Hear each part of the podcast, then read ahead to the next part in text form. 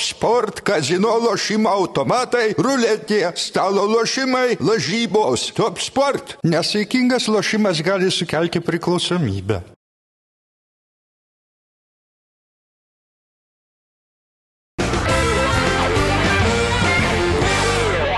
Sveiki, futbolo gerbėjai, su jumis laida Įvartis, Ervinas Vitkauskas, Židrūnas Grudzinskas ir Tautidas Vencevičius. Susėdome, kaip ir kiekvieną savaitę, pakalbėsime apie futbolo reikalus, tiek apie lietuviškus, tiek apie užsienio. Aišku, užsidarė ir transferų rangas, taigi pažiūrėsime, kas ten įvyko. Ten tikrai buvo ir didelių sumų, ir didelių pirkinių, ir daug, daug išleista pinigų, ypač Anglijoje. Bet pradėkime nuo Lietuvos ir pradėkime nuo to, ką šiek tiek jau kalbėjome ir praėjusioje laidoje. Ir buvo ir konkursas paskelbtas, tai šiek tiek vėliau atiduosime ir prizą. Lietuvos geriausiai buvo renkami ir šią savaitę Kaune buvo jau oficialiai paskelbti e, nominantai ir nugalėtojai. Ir, na, čia, sakykim, taip, kažkokių didelių staigmenų turbūt, kad daug nevyko, bet poroje galbūt tų nominacijų apsistosime. Tai nuo pat pradžių galbūt tiesiog paminėsiu, kad geriausia jaunaja futbolininkė tapo Karolina Jasaitytė, geriausių jaunuoju futbolininku Gvidas Gyneitis, čia galbūt tokių didelių kažkokių klausimų ir nėra. Aš norėčiau gal sustoti pirmoji nominacijai geriausias A lygos futbolininkas. Vilius Armanavičius. Vilius Armanavičius! Juo išrinktas Vilius Armanavičius, Kauno Hegelmano atstovas, kuris pradės savo legionierius karjerą Kazakstane. Mes praėjusioje laidoje taip kalbėjom daugiau apie Niko Goropcovą, bet įdomiausias turbūt dalykas šioje vietoje, kad na, žmogus išrinktas geriausių A lygos futbolininkų, bet rinktinėje kažkaip pastaruoju metu vietos nelabai ir atsirasdavo šiam žmogui, ar ne? Ir galima turbūt tą patį pasakyti ir apie Edviną Gertmaną, apie kurį turbūt vėliau šiek tiek irgi pakalbėsime. Tai va, kiek ir kalbėdavom apie Lietuvos nacionalinę rinktinę, tai kad ten va, tiem geriausiam kažkaip ne visada atsiranda tos vietos. Ir matom, kad prie vieno trenerio jie būna pagrindiniai, čia kalbu ir plačiau, ir apie Domantą Šimku, kuris buvo pripažintas gražiausio metų įvarčio autorium, kalbu apie Modestą Vorobjovą, kad matom su kai kuriais treneriais ten iš vis skandalai kilo ir papasakojo virtuvę, tai visiems plaukai pasišiaušia. Tai tas pats ir Gertmanas, ne tikrai geriausias Lietuvos futbolininkas išrinktas, apie tai dar irgi plačiau pakalbėsim. Armanavičius sužaidė birželio mėnesį, turės rungtynės, dvi su turkais, viena su forerais, prieš tai sėdėjo ant suolo, po to vėl jis nėra kviečiamas, tai matom, kad na,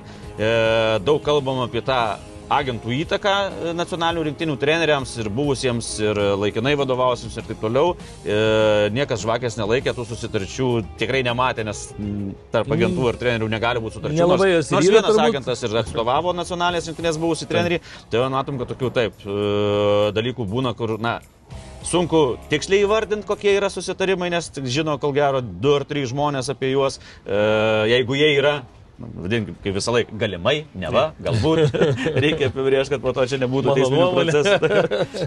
Matom, na, kad kartais e, tie sprendimai ir būna keisti, išrenkamas geriausio lygos futbolininku. E, tikrai, na, buvo ko gero didžiausia intriga lygos tarp vyrų visų nominacijų, kas taps geriausio lygos futbolininku, nes tas pats Edinas Gertmanas taip jisai na, puikiai žaidė Europoje, Lietuvoje irgi pasižymėjo, Žalgiris tapo čempionais, Goropsovas buvo toks tikrai komandos varikliukas ir tikrai tapo Žalgirio lyderiu aikštėje, ne tik būdos aikštelėje savo. Ir Armanavičius, na vis dėlto komandos užimta vieta nebuvo ta, kurios tikėjosi, link kurios ėjo ir ilgai buvo Hegelman komanda antroje vietoje taip. ir jau galvom, kad bus na, tokia didžiausia pretendentė iškovoti sidabro medalius. Sezono pabaiga nesusiklostė taip, kaip tikėtasi, bet matom, kad išrinkamas geriausių A lygos futbolininkų. Aišku, galėjo būti ir tai, nesprendė dar ir komisija, kad e, nebūtų per daug prizų Žalgerio atstovams. Aš, aš laukiu, treneris, treneris, leisi man įsivaizduoti. Treneris Žalgerio, geriausias Lietuvos futbolininkas Žalgerio, organizacija Žalgerio, tai galbūt ir šiek tiek ir, ir padalino, kad būtų ir visiems atitektų, nežinau, kad ir buvo Lietuvos LTIM apdovanojimai, Lietuvos geriausių sportininkų, tai ten ir buvo net nuspręsta, kad na, tas, kuris laimi geriausio Lietuvos sportininko titulą, tai yra Mykolas Alekna, kad jis negautų metų proveržio titulo, kad kažkam kitam atitektų, kad būtų daugiau apimta. Tai galbūt buvo irgi. Bet čia irgi turbūt, nes iš esmės tai atrodo turbūt toks viestas viestuotas, kai tu išrinki geriausią Lietuvos futbolininką, o tada lietuvį irgi išrinki geriausių lygos futbolininkų. Tai toks aišku, Žalgiriui ten Europo ir taip toliau, bet nu, tas, tas pats Gertmanas negali pasakyti, kad Europoje žaidė dešimtukui, Taip. o ten O lyg- A o lygui lygoj tai penketukui. sėdėjo. Taip, taip, taip, tai irgi taip nebuvo. Tai nu, čia tokie vat, niuansai, ką turbūt uh, tautydas gerai išskaitė. Taip, taip, aš laukiu, galvoju, ar tau didas tą mintį iš rutulios ar ne. Tiek senas- komisijų buvęs. Ja, Senas eterio vilkas, viskas tvarkoja. Taip, kad aišku, manau, kad tas veiksnys taip pat suveikė. Kita vertus, na, kaip ir kalbėjom, ten vis, visus iš esmės titlus atiduot e, žalgiui, kiti klubai irgi žaidė, žaidėjai irgi buvo ryškesni, labiau, mažiau, bet na, esmė ta, kad visi apdovanoti, niekas nenuskriaustas, ne, buvai pats tautydai tenai. Buvo Tai ir šiaip- tikrai buvo džiugu, tai Parmanavičius netgi kalbą sveikinimo išgirsti, jisai jau kalbėjo iš Kazakstano, buvo nufilmuota ta kalba ir tikrai, na, kai kurie jauni futbolininkai stebina, žinom, kad ir Justas Lasitskas e, yra laimėjęs netgi debatų klubo kažkokius. Dalykus ir turi, taip. Taip, iškalbą tai, ir tikrai Vilius Armanavičius Ir buvo, žolytausgi. buvo puikia kalba, tikrai ir, na, ir, ir aš tai dėl jo džiaugiuosi, nes, na, žinom, kad jo visa karjera taip klostėsi ir vietytas, ir mėtytas, ko ten tik nebuvo. Žinote, prieš tris metus žaidžiau pirmoje lygoje, o dabar esu čia, nominuotas tarp trijų geriausių lygos žaidėjų, tarp trijų geriausių Lietuvos žaidėjų.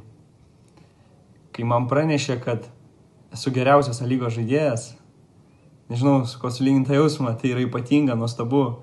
Stumbrė pradėjo karjerą, po to perėjo į Jonavą, tada į Atlantą, tada grįžo į Kauną, bet jau į Hegelmaną ir grįžo ne į A lygą, bet grįžo į pirmą lygą ir su tuo klubu tikrai e, padėjo tam klubui pasiekti ne tik A lygą, bet ir matom aukštas vietas ir iškovoti kelialapį į Europos turnyrus ir Taip, dabar pasirašė kontraktą. Taip, ir.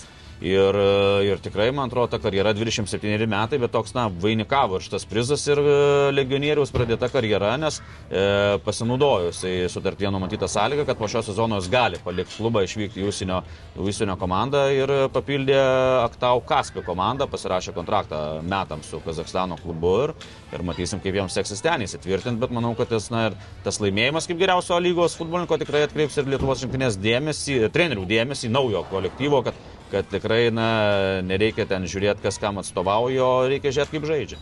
Tai faktas, aš tai irgi dėl Armanavičius labai, labai džiaugiuosi, nes ir e, tekia ir bendrauti, tikrai toks labai šiltas, labai uh, kuklus toks vyrukas pakankamai, bet, bet aikštėje tikrai rodantis gerus rezultatus, visą laiką kovojantis ir visą laiką tikrai praėjusią sezoną džiugino savo gerų žaidimų, matėm kiek ir įvarčių daug įmušė ir tikrai mes nekart ir šnekėjom, kad turbūt, kad buvo vertas rinktinėje gauti daugiau šansų pernai e, metais negu jų gavo.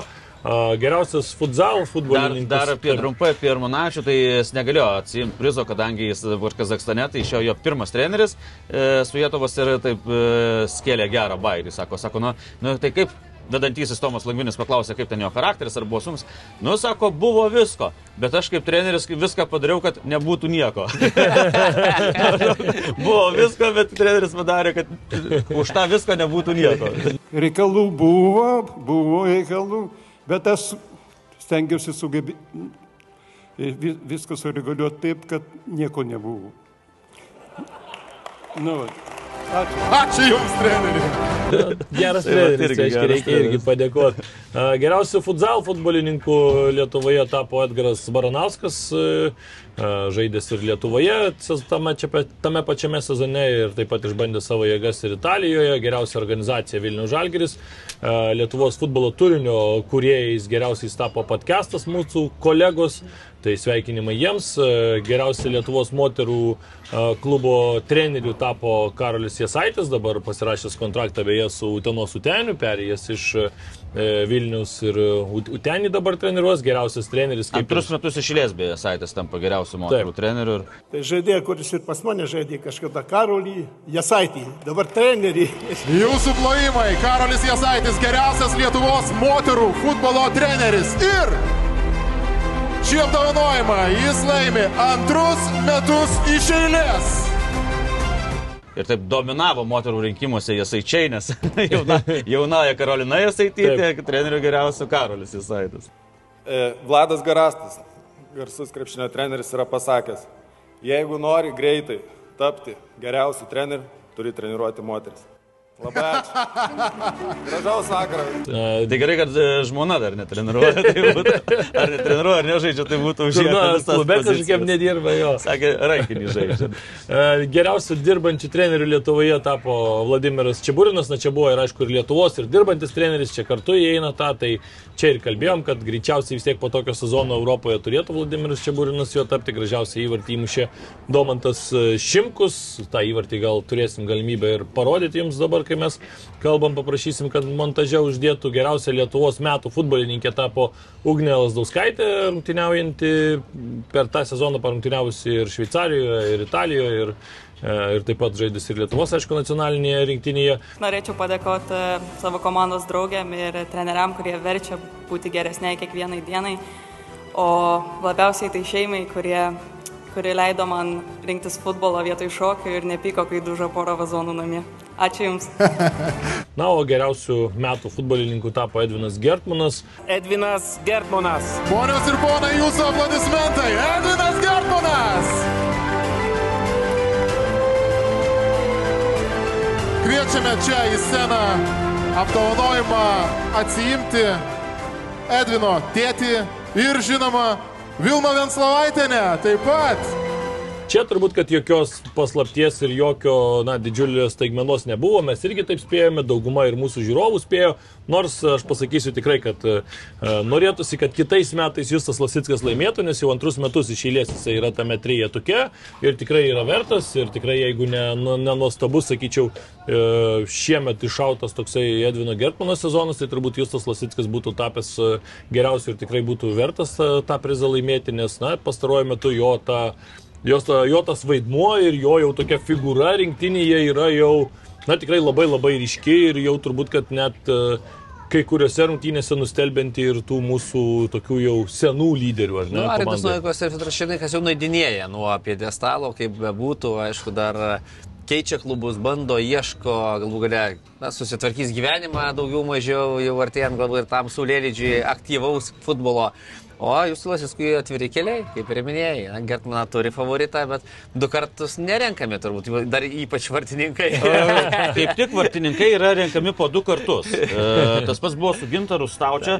Pasižiūrėjau, tai statistika tai yra iš vis tokia, kad Gertmanas po nepriklausomybės atkūrimo nuo 1990 metų Gertmanas tapo šeštų vartininku, kuris renkamas geriausiu Lietuvos futbolininku. Ir du iš jų buvo renkami du kartus iš eilės. Tai Stau, Gintaras Staučia 95-96 metais ir Roland, Rolandas. Žydrūnas Karčiamaskas. Vyresnio brolio, kai įkrenta vardas, tai po to sunku išmuš. Žydrių nepyk. Žydrūnas Ne, ne, Karčiamaskas. nepykstu, ne. Nu, tu- tu irgi. vienam interviu irgi Žydrių pavadinai. 2012 metais. 92 Martinkienas tapo, 14 Gedrius Arlauskas, 19 Šetkus. Tai matom, kad iš viso po nepriklausomybės atkūrimo per 33 metus tai vartininkai buvo renkami net 8 kartus. Geriausias. Klausimas, kodėl nekyla? Tai va, klausimas ir kyla, kodėl. Ir atsakymas labai paprastas, todėl kad mus daužo ir Taip, daužo dabar- visus bet dabar norėjau tuos paklausti. 30 mečius. Noirį taip, atsiminam, ten turbūt geriausias Vokietijoje irgi būna, bet ten šiaip iš tų didžiųjų lygų yra, kad vartininkai na, būtų dažnai renkami kaip geriausi žaidėjai. A vargu. Nu, labai Tur- retai, turbūt retai, vargu. Nu, nu ir su gero buvo tas paskutinis iš vartininkų, kur pretendentas, realus pretendentas tada laimėti auksinį Nu, kamuolį. jau auksinės, net, net šalies, turiu minės šalies futbolininkų geriausių. Donorumą gal tapo, o ten, gal Italijoje būna išrinktas. Bet, tai, prasme, nėra tendencijos, kad vartininkai dažnai Tai būtų... Kortuo, koks Belgijoje ten turbūt irgi Gal kokį vieną kartą. tai. Tų mažesnių šalių, kur sakai, vartikas Nes- vaidmenį. Abejo, tai, tai net ir pažiūrėjau, tai po nepri- nepriklausomybės atkūrimo aštuonis kartus vartininkai buvo renkami geriausiais, o Pavyzdžiui, iki nepriklausomybės atkūrimo rinkimai beje geriausių Lietuvos futbolininkų organizuojami nuo 1965 metų, tai iki nepriklausomybės atkūrimo tai buvo vienintelį kartą geriausių išrinktas, tai Valdemaras Martinkienas 89 metais. Tai vat matom, kad iki tol būdavo ten, na, Zelkevičius, Rebovas, Dirmeikis, tai yra atakuojantis futbolininkai, po to aišku buvo ir Kasparavičius, ir, ir, Latoža, ir, kas- ir, ir, ir gynėjų buvo renkamų, bet, bet pagrindė tokie atakuojantis, Narbekovas keturis kartus buvo renkamas, na tai, tai atakuojantis futbolininkai daugiau. O po nepriklausomybės atkūrimo, tai jeigu neskaičiau taip atskirai pozicijų, bet vartininkai ko gero, kad ar nebūtų pirmi tarp pozicijų, kurie renkami. Na tai palinkėsim, aišku, Edvinui Gertmanui, kad ir rinktinėje geriausias Lietuvos metų futbolininkas dažniau stovėtų tarp virpsto, ne ant suolo. Čia, aišku, bus jau naujojo trenerio, sakant, užduotis. Edgaras Jankauskas jau oficialiai paskirtas e, rinktinės treneriu. Ant, šiek tiek apie tuos ir pretendentai. Trejatas vakar kalbėjom dėl jaunimo, ar tas pats Justas Lasiskas antrą kartą, tai matom pretendentai, tokie, na, toks amžius. Justas Lasiskas 25, Gertmanas 26, tai kai vartininkų tada dar čia yra, na, taip, taip, pradinėse klasėse, pavadinkim taip, o Vilius Armanavičius 27. Nes taip, nuėjo tie, kurie laimėdavo pastaruoju metu, kurie būdavo tarp pretendentų. Ernestas Šetkus, na, dar kartą reiks domėtis, kokia ten situacija, baigė jau oficialiai karjerą ar nebaigė, oficialiai nepaskelbta. Taip. E, Fedoras Širnykas, Arvidas Novikovas, Vykintas Livka, kurie vat, būdavo toks, na, iš tų keturių dažniausiai būdavo sudaromas trejetas, na, jie jau nueina į antrą planą, ateina jaunesni ir tikrai, na, manau, kad tam pačiam Gertmanui, tam pačiam Lasiskui tai viskas dar prieš akį, reikia įrodyti savo Taip. vertę. Ir e, dar šiek tiek trumpai apie jauną futbolininką, tai gynėjtis 18 metų ir pasižiūrėjau tikrai, Torino jaunimo komandoje žaidžia, dabar nuolat būna registruojama serija A rungtynėms, nors ten aišku, atsarginių paskutiniam turė buvo 12, net Taip, e, Torino komandoje, nes reikia ir jaunimo įtraukti, bet vis dėlto treniruotis, būti prie komandos tokios kaip Turinas seriatai. Tikrai ir dar pretendentai buvo e, Artemijus Tuštiškinas ir Natanas Žebrauskas. Matom, kad jų karjeros irgi tokios gan įdomiai klostosi. Tiesiog ačiū visiems balsavusiems. Ir džiaugiuosi, kad mūsų šeimoje jis užaugo, auga ir tobulėja. Svarbiausia, norėčiau padėkoti gal netgi pirmajam Gvido treneriui Algirdui Mikai, kuris sakykime, mūsų vaiką pastebėjo žaidžiantį kieme, tiesiog kieme ir paprašė atsivesti į treniruotės. Tai va, duok Dievę, kad to jaunimo tokio perspektyvaus ateitų kuo daugiau, prisijungtų prie dar sembuvų, kad viskas būtų ir va, kad to įrinktinė, aš vakar net įteikdamas prizą kolegoms ir pasakiau, kad skuna, e, Dabar susikūrė daug visokių ir podcastų, ir laidų, ko anksčiau nebuvo, ir taip toliau. Ir, ir visi matom, randa savo auditoriją, turi apie ką kalbėti. Ir sakau, geriausia, va, daugiausia peržiūrų, daugiausia susidomėjimo mūsų bent įvarčio laidos susilaukia tada, kai, na, aišku, daugiausia susilaukia tada, kai LFF skandalai buvo. Taip, taip. Tai čia, bet juos atmeskim, kalbam apie sportinius e, pasiekimus, tai visą laiką būna, kai Žalgeris patenka į grupės, kai kapojasi su Malmio, ne, tada jis laimė. Kai, kai Suduva Europoje puikiai žaidė, tai tada daugiausia susidomėjimo ir kai rinktinė būna. Tai jeigu dar rinktinė iškovotų ten vieną, antrą, kokią trečią pergalę, tai, kas tada būtų domėjimas, užsibūtų tą karuselę. Taip, Lietuvos futbolu. Tai vat, būtent to, to ir norisi palinkėti naujam štabui, kuris vat, buvo oficialiai patvirtintas. Jau.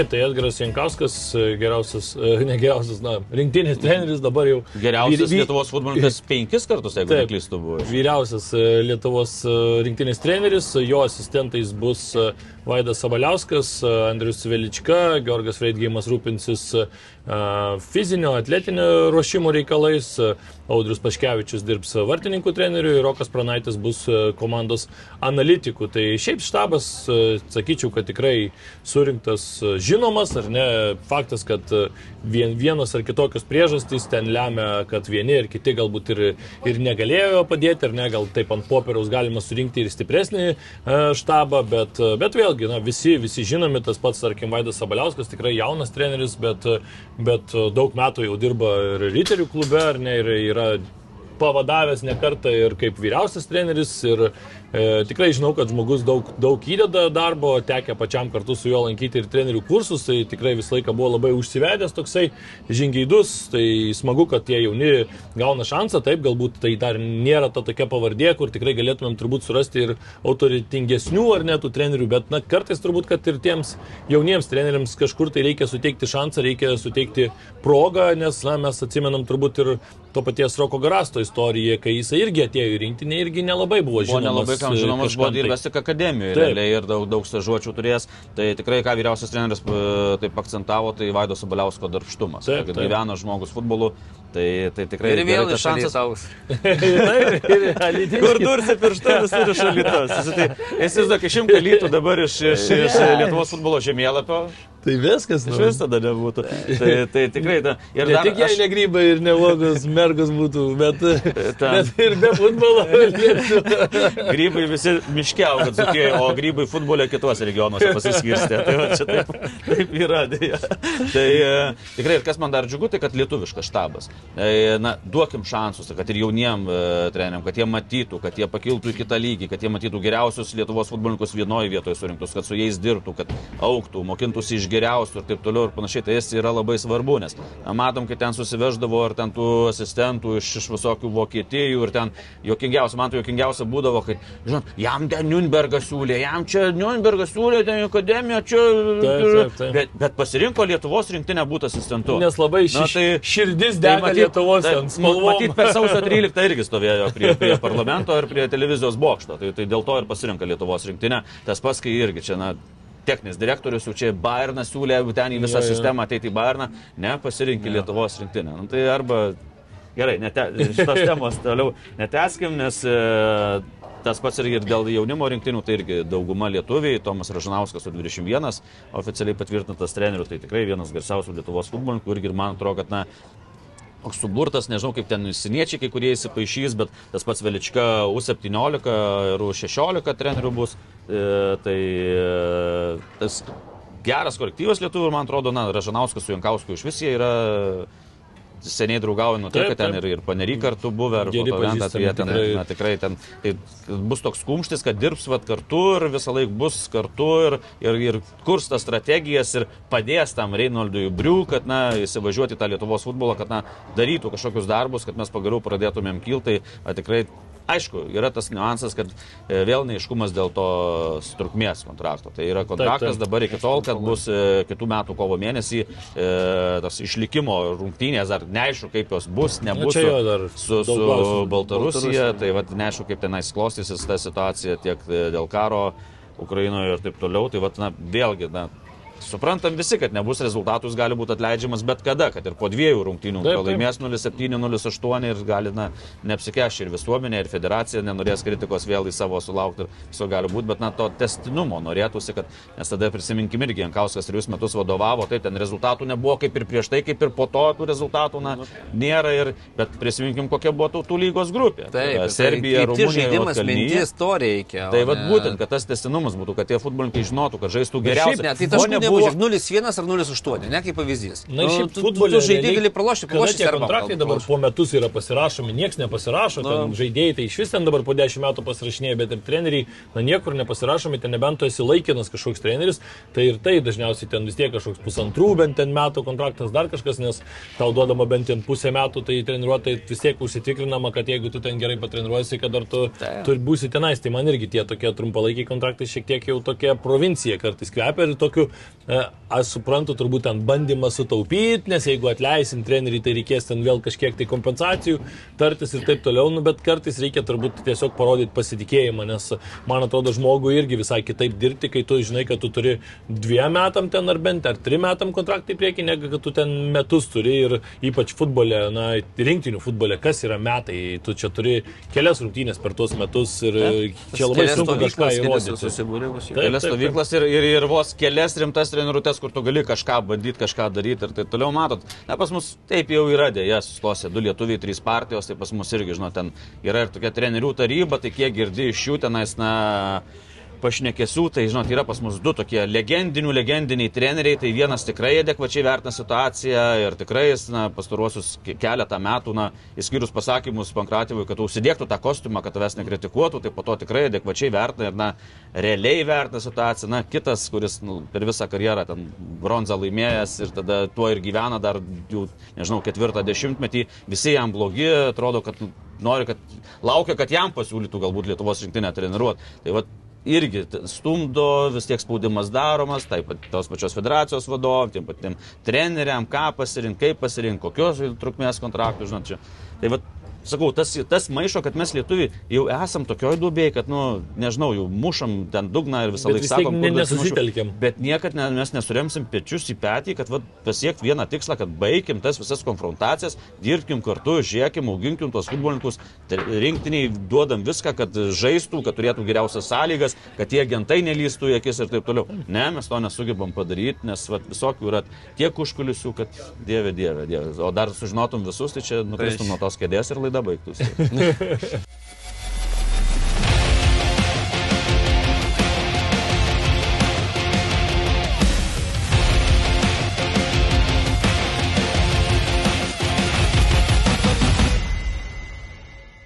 Top sport, kazino lošimo automatai, ruletė, stalo lošimai, lažybos. Top sport. Nesaikingas lošimas gali sukelti priklausomybę.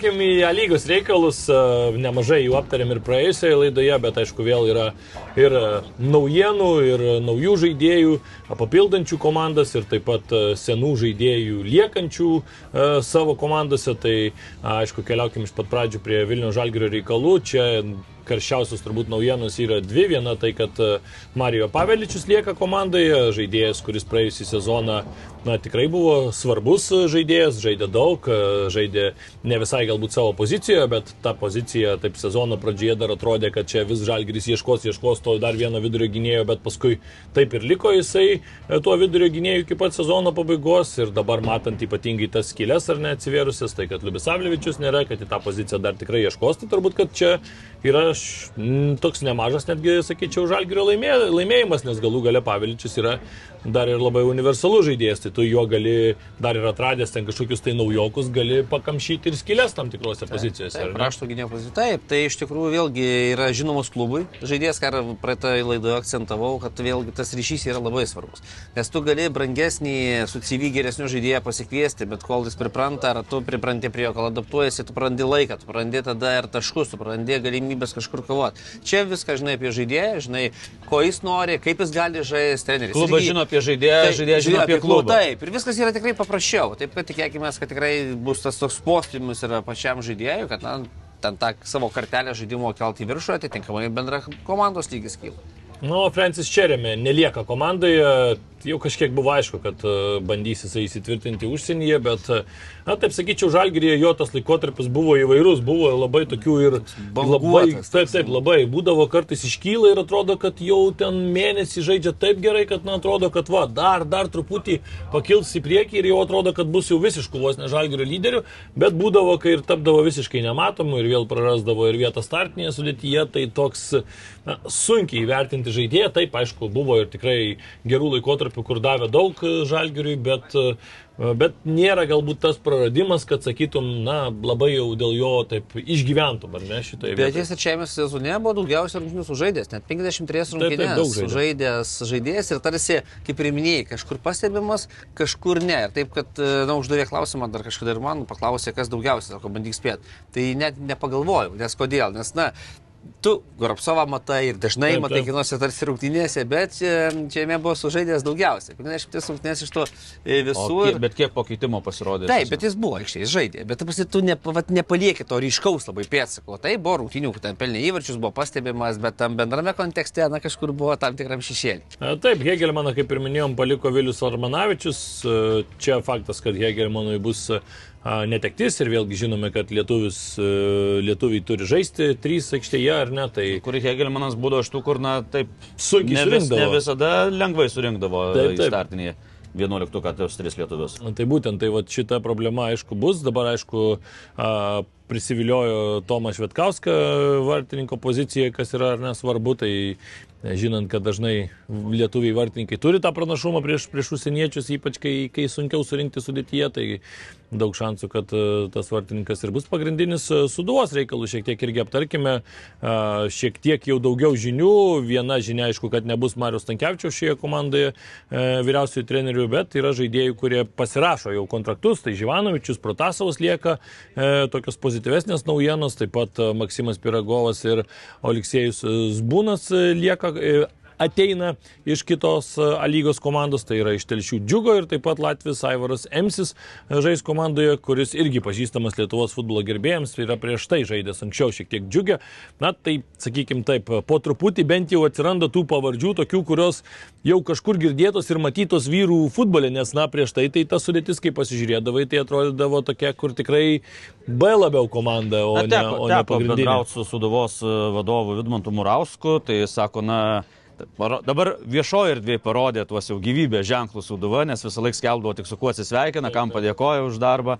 Tai, na, sako, darbas vyksta ir jis pabrėžė, kad, na, jau savo 14 žmonių iš viso turi kontraktus su Suduva. Tai, na, Bet įdomu žmonių ar bet žaidėjų, nes Kaip sakydavo treneris, sako, kiek, kiek atsivežiai, sako, sako, kiek žmonių atsivežiai, sako, žmonių tai sako 22, bet futbolistų tai kokie 2. Yra šitą frazę legendinė, kaip sakė, atspindi kartais tikrovę. Tai e, paklausiu Murausko, kokia situacija yra dėl klubo pardavimo, nes tos kalbos jau netyla jau kelinti metai ir dabar šiais metais jos buvo itin suaktyvėjusios. Tai sako, kodėl jūs, sako, niekad neklausėt, o ką norima parduoti, sako, visi tik savo parduot, parduot. Tai e, kalba eina apie pardavimą, nes e, Murauskui priklauso pusė viso to sporto komplekso. Tai yra sporto kompleksas, žinom, kad na, geriausias Lietuvoje, tikrai per tiek metų išvystytas, tai yra stadionas, tai yra manėžas, tai yra treniruočio aikštės šalia stadiono. Tai man atrodo, kad labai buvo puikus bendradarbiavimas, skirtingai negu kaimininėje sostinėje, tai yra Suvalkyjos sostinėje, sugeba tą bendradarbiavimą padaryti su savivaldybė ir e, 50 procentų kita dalis priklauso savivaldybei. Ir būtent tas bendradarbiavimas, na, nežinau, tokiam miestui, kuris yra septintas, tiek Lietuvoje davė fantastinius rezultatus, trys čempionų titulai išėlės, Europos turnyrai tikrai daug nueita ir, ir, ir tikrai fantastinis, e, fantastinė ta istorija Suduvos, kuri, nu, prisiminkim, ne per seniausia tik tai išėjus į tą A lygą, nėra iš tų senbuvių, kaip kai kurie kiti klubai, kurie žaidė ir numirė ir taip toliau. Tai sako, eina kalba ir apie tą pardavimą. Tik sako, na, jis taip, sako, žiniasklaidoje kartais ta eskaluojama, sako, ta tema, sako, na, neprideda, sako, to pliusų ar taip toliau, ir savo kartais net sutrukdo kažką toliau vystyti darybas. Na, bet čia, žinai, buvo tautydai minėta. pats, kad visi nemėgsta tų, bet, Taip, bet taip, žinot, žiniasklaidos darbas tą daryti ir Tai kaip ir Aš tik kalbu, politikai irgi kalbu iš, nemėgsta. iš klubo pozicijos, kas, kas buvo pasakyta, nes sako, su, buvo kur įvardinti e, vieni potencialių pirkėjų, tai sako, buvo vienas susitikimas, tikrai prie kavos, sako, praėjusiais metais, tai sako, kol kas vyksta viskas toliau kaip ir toliau, sako, bet niekada, Murauskas pasakė, taip, niekada negali žinoti ir niekada nesakyk niekada, sako, gal šiandien po pietų kažkas paaiškės naujo, gal šią savaitę, gal prieš sezoną, o gal, sako, iki, iki visus metus, sako, būsiu vadovu, kaip dabar esu, tai sako, dirbam, darom, tai sako, ką, nu, sako, reikia stiprinti, sako, dar keturias, penkias pozicijas būtinai, sako, turim pasipildyti e, žaidėjų. E, Paklaustas apie biudžetą, sako, nu, neatsakė, sako, tikrai dar formuojamas biudžetas, sako, čia ne, nesinori e, burti iš kavos tiršių, sako, čia nu, tą, tą biudžetą, sako, bet maždaug pagal numatomą biudžetą formuojama e, komandos sudėtis, dėl trenerių irgi jisai pasakė taip, kad sako, na, netmetam galimybės ir sako tikrai, kad gal duosim pasireikšti ir savo tiem treneriam, kurie dabar su komanda dirba, nes treniruotės vyksta, jau žaidžia ir draugiškas rungtynes, e, tai dabar su komanda treneriai dirba Davidas Lastauskas ir Vaidas Lavickas, kuris, e, kuris žinom, kad, na, realiai legendinis Sudovos futbolininkas, baigė karjerą, tai tikrai, Koks, na, kodėlgi ne, jauni treneriai, būtų, na, tikrai suduvojau ne pirmie Tik metai. tai klausimas, ar licenzijos turi, nes man atrodo, Slavickas, man atrodo, tik, Slavickas tik tai, C tai, turi, tai, tai atrodo, dar tik į- pradėjo taip, laikytis taip, taip. jisai tas licencijas, tai vat, klausimai, tai sako, bet sako, gali būti, visko, sako, norinčių treniruoti suduvą yra. Ta, sako, tai buvo dėrybos, sako, ir jūs, sako, patys minėjot su kuo, tai sako, buvo ir su lietuviais, bet sako, na, e, tikrai, nesako, nepabrėšiu, kad, na, finans, ne- taip, kad nesutarė dėl kontrakto, dėl finansų. Sako, ne, sako, yra ir kiti dalykai, tai sako, visa visuma yra. Ne, tai faktas, dėl tai čia ne finansų, vien tik tai pinigai visų. ten. Tai sako, nu, sako, yra ten tų pretendentų ir taip toliau, bet sako, nu, tokia situacija, kad, na, man atrodo, kad po truputį suduvai įsibėgėja, nes, na, jau galbūt ir mato, kad ne, nepavyks parduoti arba nepavyks iki sezono parduoti ar, ar perleis, ar kaip ten susiklostys ta situacija. Tai, kad, na, reikia toliau, tai sako Murauskas pasakė. Dabar mūsų tikslas yra startuoti lygoje, gauti licenciją ir, ir, ir, ir startuoti. Na, o kaip toliau klostysis, tai sutarėm, kad dar prieš sezoną vėl galbūt darysim, kaip ir praėjusiais metais, tokią apklausą klubų, kokie tikslai, koks biudžetas e, ir taip toliau. Tai, tai sakė, atsakysiu visus klausimus, tikrai jisai labai maloniai bendrauja su žiniasklaida, viskas ten gerai. Tai, vat, man atrodo, toks jausmas, kad įsibėgėja, tuo tarpu teko bendrauti su kito klubo atstovais, tai su šiauliais, tai jie jau baigė komplektaciją komandos, sakė, viskas tai yra paskutiniai kontraktai pasirašyti, tai paskutinis buvo perimas būtent iš Sudavos, tai Evgenijus Jefremovas. Į šiaulius perėjo, tai žinom, kad Sigitas Olbergis iš Švedijos antros lygos grįžo.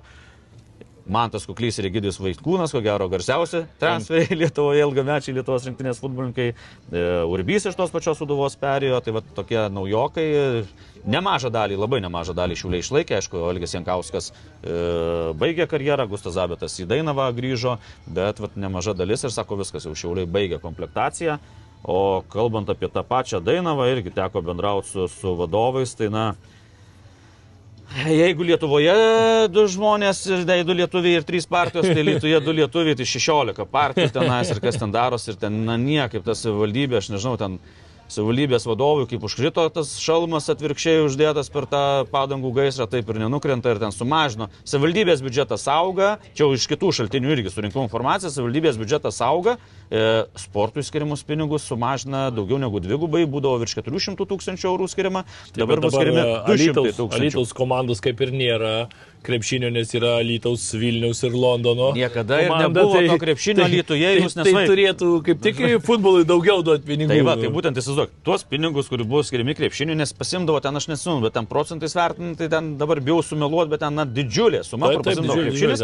O jau jūs ten trupinius pasidalinkit. Tai dabar ta suma ne tai, kad paskirstyt kitiem klubam, nes realiai būdavo finansuojamos keturios sporto šakos. Tai yra vyrų krepšinis, vyrų futbolas, moterų tinklinis ir vyrų rankinis. Taip. Tai dabar tą sumą visas sumažina viena iš čempionato favoričių, rankinio čempionato favoričių Lietuvos Varsa dėl būtent sumažinto finansavimo atsisako nežaisti Baltijos rankinio lygoje.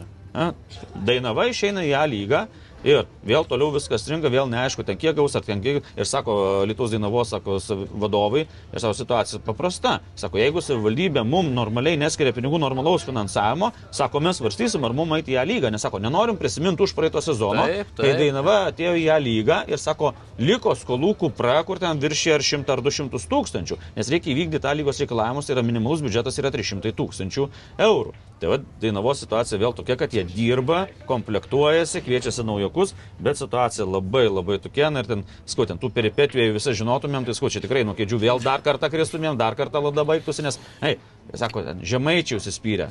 Bet jau nedaug dievė dzuką, kada užjudinsi ir dar jeigu su jo šeimos nariais, tai tenais na, visam gyvenimui kaposis. Nu tai va ten taip ir likę. Taip, taip. Nesakau, ten du, du litiškai 17 partijų ir ten kaposi, jei tas vadovauja Dainavai, tai tas neskirs, jei tas, tai tas, jei tas anas. Tai ten, nežinau, sakau, kalbam apie tą patį elitų, nu viską turi ir matom, kiek ir, ir trenerių, ir futbolininkų, ir bazė yra, ir fanai yra, viskas yra, tik va to nėra to sutarimo, nėra darbo politinės valios. Kad būtų tas klubas tikrai ten, kuris turėtų būti, va taip tarp lygos vidutiniokų.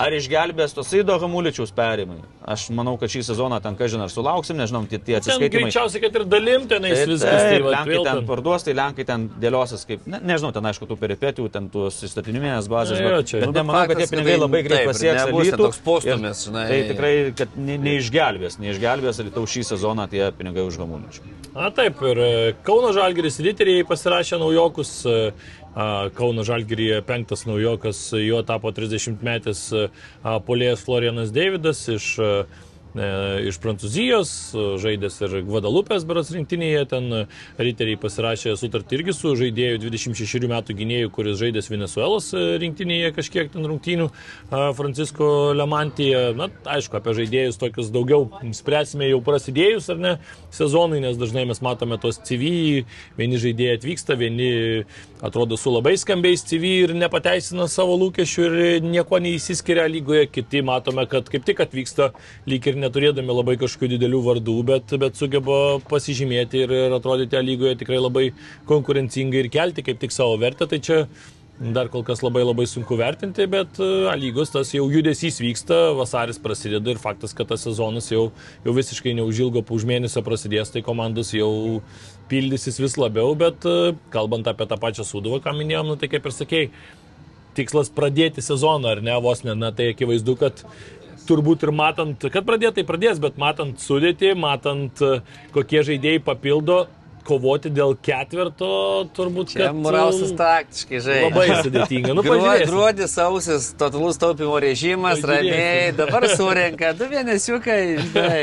Jo, čia vėliau nebus, tai gerai, ten, kol įsivažiuosi, galbūt ten vieno kito savaitgalio rungtynės gali būti sunkesnis, o po to jeigu apsilibdys dar, kaip, na, kaip ir kalbėjo tautytas, kokie 4-5 žaidėjai, jeigu startinės sudėtėsi, pamatysime vėl tą sudo konkurencingą, rimtą komandą solidžią. Ir, ir šeštą vietą vėl. Čia, nu, žinai, žinai, kaip Murausas Bet netoli buvo to ketvirtuko. nu, Tai, nu, tai Murausko, klausiu, kokie tikslai keliami komandai? Tai žinai, jau čia iki suduvos jau visi tos medalius atsidalino. Jo, jo, jo. Nėra vietos. Nu, tai bet pernai taip kalbėjo, Pernai tai taip- visi ir taip įsidalino. Tai visi ir įsidalino tuos medalius ir, ir Europos vietas.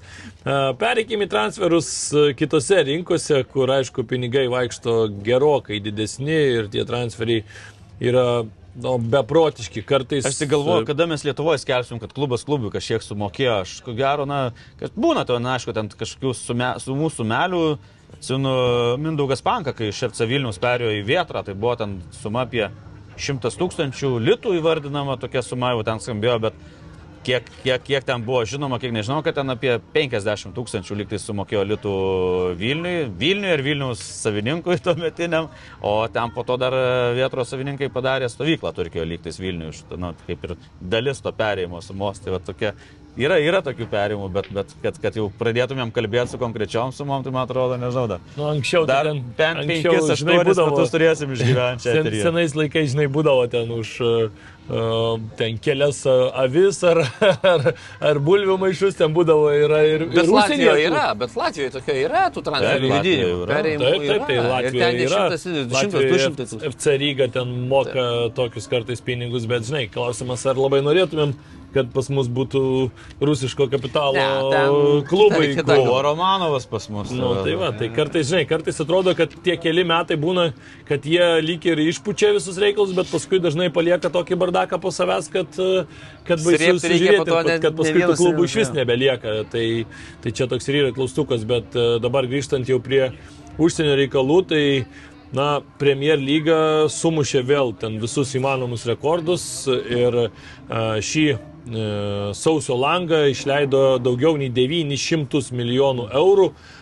Paskutinį kartą rekordas buvo pasiektas 2018 metais, tuomet buvo išleista netoli 500 milijonų eurų, bet a, na, tai tas rekordas dabar viršinamas buvo beveik, beveik dvigubai, 90 procentų paaugo tas e, kapšas ir, ir e, kalbant apie Premier lygą, tai Premier lyga suskaičiavus e, vasaros praėjusio sezono, na taip sakykime, tai skaičiuojant šio sezono tie tuos vadinamosius transferus, ar ne, tai praėjusi vasara ir ši žiema, tai tas, ta visa su- suma, tas visas kapšas jau viršyje 3 milijardų eurų sumą, tai na, tikrai kažkokie nenormalūs skaičiai ir dar specialiai pasiskaičiavau, ką kitos lygos išleido, tai tarkim, italai šį, šią žiemą išleido 17 milijonų, O! visa lyga, Visa ispanai išleido 30 milijonų, Bundė išleido 56 ir prancūzai šį kartą jau tokie buvo stipriausi iš visų kitų, išleido 112 milijonų.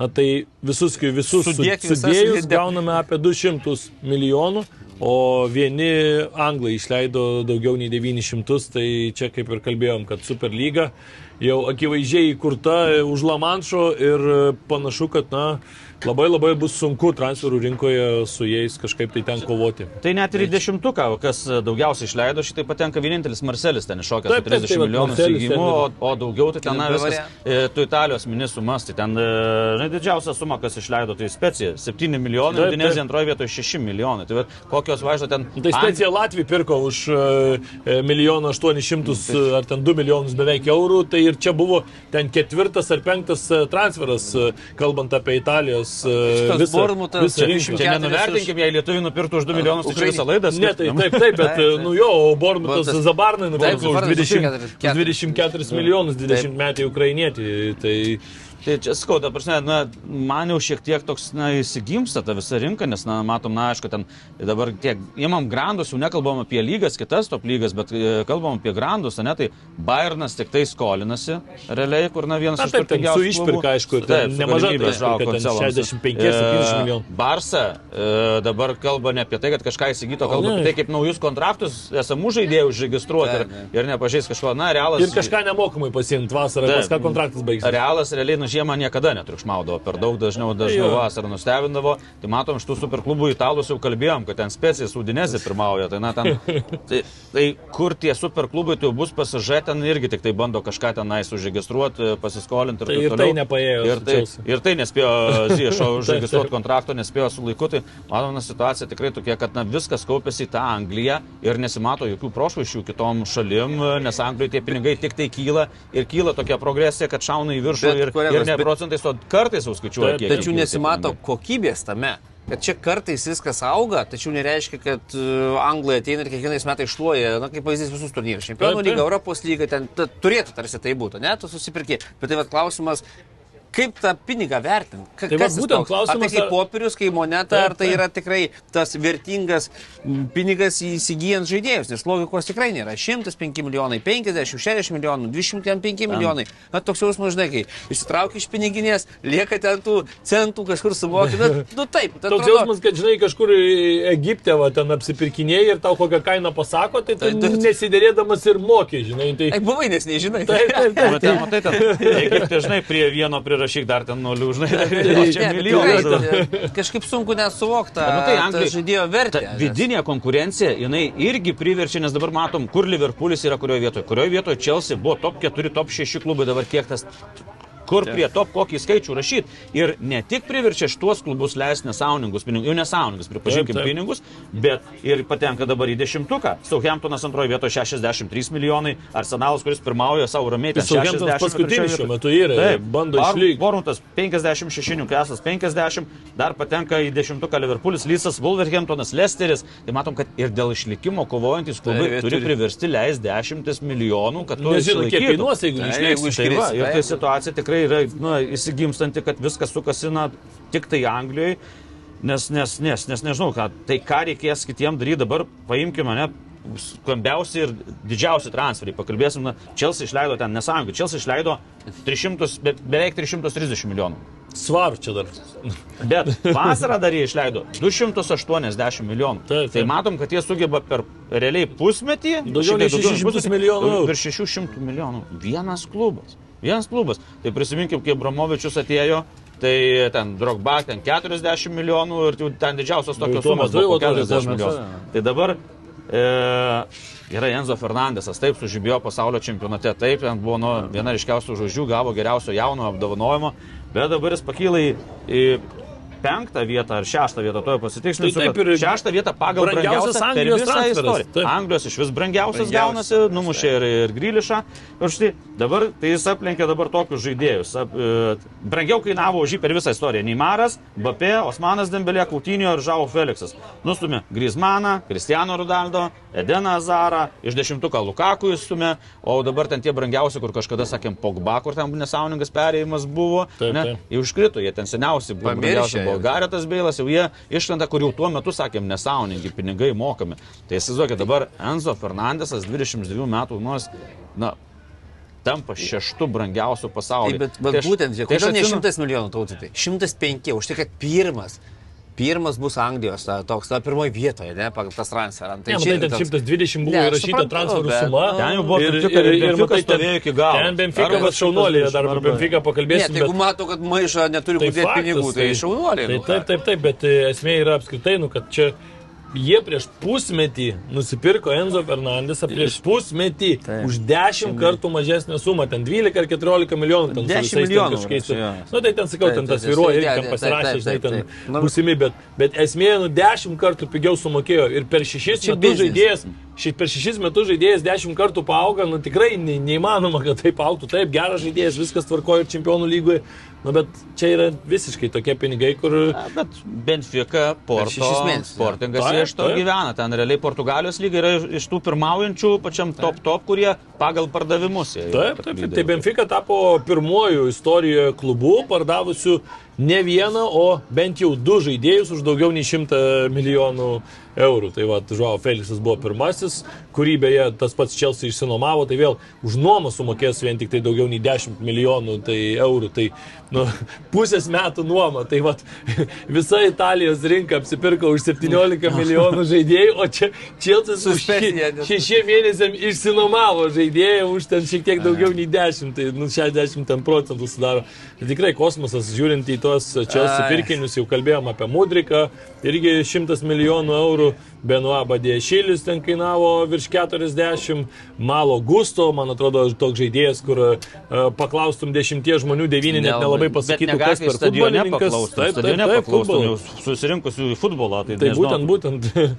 Arba tas pats Noni Maduekė, irgi jaunas, talentingas žaidėjas, bet nu irgi vėl ten vos ne 40-35 milijonai eurų.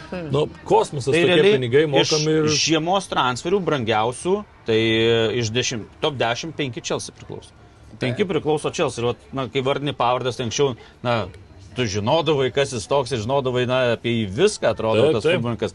Dabar mokamus tokius, tai į penketuką pateko tik Antony Gordonas iš Evertono į Newcastle už 45 milijonus ir Cody Gakpo iš PSV į Liverpoolį už 42, tai dar gal sumažino tą sumą perėmė, tai Vandeikas, kuris, na, ten sakė, dirbo labai su Gakpo, su tautiečiu, kad sako, ten irgi ten bonusų dar yra nemažai Taip, ten ten po to apsisuka. Aišku, na, tuos dešimtukus nepatenka nepatenka tokie, kad na, nuomos pagrindais. Tas pats Žao Koncelo perėjo iš Manchester City į Bayerną pusmečiui nuomos pagrindais, bet po to na, išpirktų už, už e, 70 milijonų. Jis yra tas pats Žao Felixas į Chelsea perėjo, tai realiai, kur dar nepatenka į dešimtuką, kur dar realiai 50 milijonų reiks sumokėti po sezono, na, nebent jau ten kažkas įvyks ir, ir, ir, ir nutrūkstas sandoris. Ir beje, įdomus faktas, kad būtų į dešimtuką realiai patekęs, nes dešimtoje vietoje e, dabar yra už 25 milijonus į specijoje arsenalą perėjęs Jakubas Kivioras, e, Lenkas, užaugintas Anderlechto akademijoje. Tai vat, mes turėjome Anderlechtą, bet kažkaip. Dar neperinam niekur į arsenalą. tai, va, tai būtų dešimtuką patekęs irgi su Lietuva susijęs. Tai Remas Mofi, Taip. kuris e, sausio paskutinę dieną pasirašė kontraktą su Nica, jis irgi nuomos pagrindais perėjo iš Lorano ir su teisė po sezono išpirktų už 30 milijonų eurų. Tai dar vykusiuose apdovanojimuose Janas Nevoina, Riterių prezidentas, pasidžiaugė, kaip, bet kaip A lygos prezidentas pasidžiaugė, kad va, tokie futbolininkai garsiuose sandoriuose dalyvauja, tai Riteriam manau, kad... Nukris koks euras. Nu, Nukris, neaišku, nukris bet manau, kad nukris. Nes, turėtų. nes riteriai gavosi, kad jis pirmas profesionalus klubas. Teremas Taip, Mafijų taip. pradėjo Kauno Žalgiryje. Bet ten buvo net įvardintas vienas veikėjas. Kauno Žalgirio, kuris per kurio ten žioplumą, plaidumą ar dar kažką, kad na, nepavyko taip, kad būtų pirmas profesionalus klubas Kauno Žalgiris padaryta, tai pirmas profesionalus yra riteriai ir tikrai, na, karjera 23 metų dar. Tik, Taip, taip, Tai Teremas būtent tai iki tikrai 23 metų ten tos klostosi sumokamos Dar fantastiškai. Nicai porą gerų sezonų ir dar gali išvažiuoti Taip, taip, O anglai žinom, kad anglai labai domėjosi. Taip, taip, Taip, jisai buvo jau, jau siejamas, taip, taip. Jo, įdomu taip, kad dabar. Loranas šiaip net aukščiau stovi negu, negu Nica, bet aišku, Nicos tas... e, Finansiniai pajėgumai Taip, ten taip, ten didelis projektas, jie šiaip e, turi ten nemažai, nemažai tai sakykime, taip į ateitį žiūri, kad tai, tai taptų ten pastovių ten ketvirto, penketo klubų. apie 20, 30, gal net 40 milijonų visą bazę, treniruočio bazę nauja Tai ir pastatyta. stadionas, nu, žinai, buvo geras. 2016, nes aš atsimenu, dar man tekę lankytis yra Nicos tam senajam stadione, kuriame dar žaidė ir Edgaras Jankauskas kažkada, tai, na, tai ten tas senas stadionas, tai buvo ta pagrindinė tribūna dar tokia nieko, bet ta e, iš kitos pusės, na, tai tokia panašiai, žinau, kaip e, lokomotyvo stadione mūsų šitame Ai, tų laikų dar Jo, Lokomotyvo. jo, ir, irgi, ne, nu dabartiniam turiu omeny, kad tai tai irgi ten eini taip iš šono, kažkokios metalinės konstrukcijos matosi, tokie eini, giržda viskas, nu nieko, ne, net ne taip, kaip žinai, įsivaizduoji, atvažiuosi čia į Nicą į stadioną ir užeisi ir atrodo, oi čia kaip miestas prabangus, viską, bet toks stadionas jau labai pavargęs buvo. Tai šitas naujasis tekė ir naujajam lankytis per Europos čempionatą, tai ten jau buvo, nu tikrai jau, jau jautiesi kaip Nicai. Mes dar su draugais atvažiavom ten tada iš, iš Sanetieno, kur senam stadione vyko, tai tokiam, kur sėdi ir taip su žmonėm net lietiesi, žinai, kojom, nes jis labai siauras, kad sukišta. O Nicos tai tokiam jau kaip kine atsisėdi, toks jau, jau, jau, jau čia net a- atlošai padėti rankom, jau toks kaip ponas, žinai, sėdi stadione. Tai Kauskas nuvažiavęs irgi į Nicą, tai irgi sakė, na, kai atvažiavus iš Porto, iš Benficos, iš e, Sociedado, tai sako, ten buvo, na tikrai, nustebino, bet ne, negerąją prasme nustebino. O jei dar apie Mofį, tai tikrai, na, galėtų būti pavyzdys ir, ir, ir Lietuvos futbolininkams, kad, na, na gali iššaut, gali būti pastebėtas ir Lietuvoje, nes, na, tikrai jisai Riteriuose 29 rungtynės 20 įvarčių, kai užžaidė ir po to į Kortriką Belgija išėjo ten per 9 rungtynės 5 įvarčiai ir tada iškart Loranas paima, Loranė per 87 rungtynės 34 įvarčiai ir šį sezoną jis įmušęs jau 12 įvarčių 5 vietoje. Prancūzijos Taip, taip, nusileidžia tik tai taip, Neymarą. Tai bet, bet Neymaras turi turėti išskirtinę kažkokią savybę. Jis ją turi. Nu, Greitis, taip. galingumai.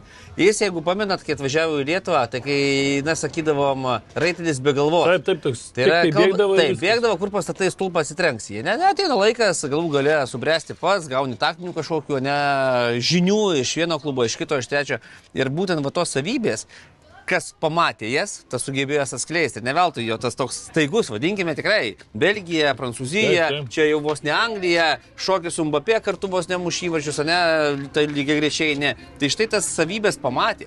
Ir tie pinigai va, dabar atrodo tikrai kosminiai, ne? Tu buvai riteriuose ten prieš keletą Taip, metų, taip. dabar ten už, už tave 300 milijonų duoda anglai, gal dar daugiau duoda. Dabartiniais masteliais, tai žiūrėk ir 50 atsieks kitą metą, tai. kažkada reikės. Tai va vėlgi, tai va, turi turėti tą išskirtinę savybę. Ne visi ją turi, na, kitas galbūt turės Keriksenas, ne, smeg, smegenis galvoja. O čia yra kitos savybės, kurios yra puikiai išnaudojamos ir jis tikrai ten anksčiau žiūrėdavau tą Prancūzijos lygą specialiai dėl jo. Pažiūrėt, kaip jis tam kontekste atrodo. Nėra ką, nėra ką be Aš čia kalbu ten. jaunimui pavyzdį duodu, kad galim iš Lietuvos pasiektas iš karto. Reikia Tai turėti galima. Matai, kokie treneriai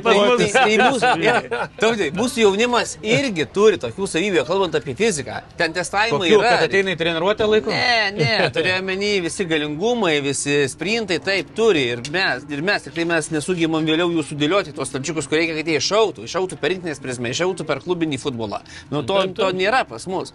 Ir tikiuosi kažkada gal artimiausių metų bus. O čia, prašau, atvažiavo sprinteris, bėgikas, galingas, gali, galų galia užbaigimas koks pasibuvo, prisiminkime, taip. ir kaip dabar viską realizuoja. Taip, kad reikia su žaliava dirbti ir jeigu matai, kad tokį turi perliuką, turi išskirtinių savybių, na, yra kas atskleidės. Taip, taip, reikia ir individualiai, aišku, dirbti, nes e, paskui, kaip sakai, tas išpildymas, jeigu tu per rungtynės tik tai bandysi ir galvosi, kad tai čia 10 kartų neįmušiau, 11 įmušiau, o treniruotis nieko nedarysi, tai faktas, kad nieko ir neįvyks.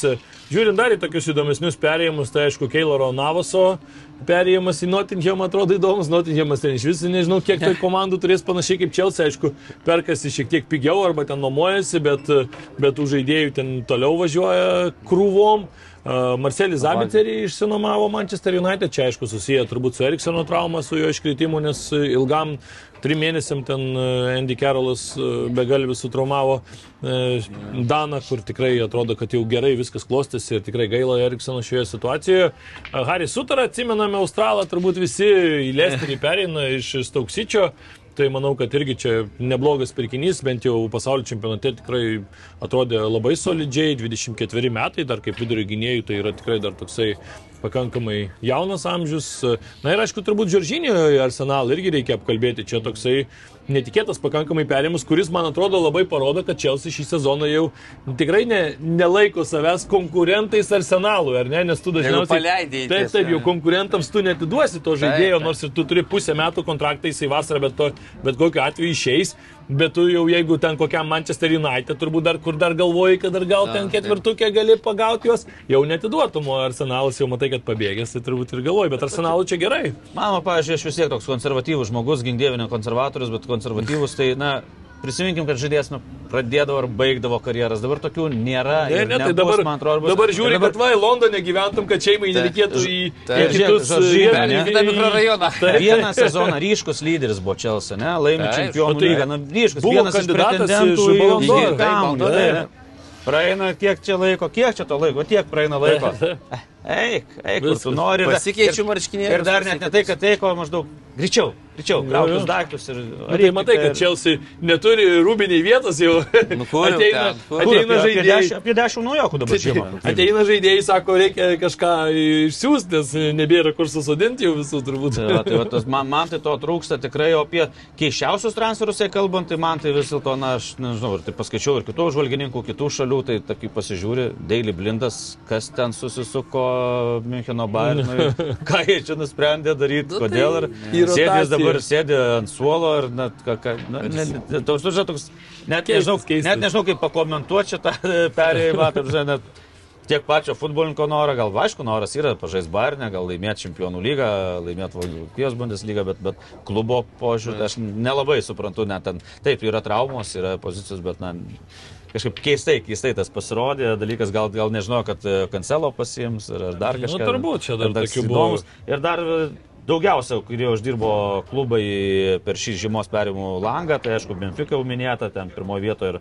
e, PSV 81 milijonas, irgi labai neblogai padirbėjo, Šaktarius 70 milijonų, beje.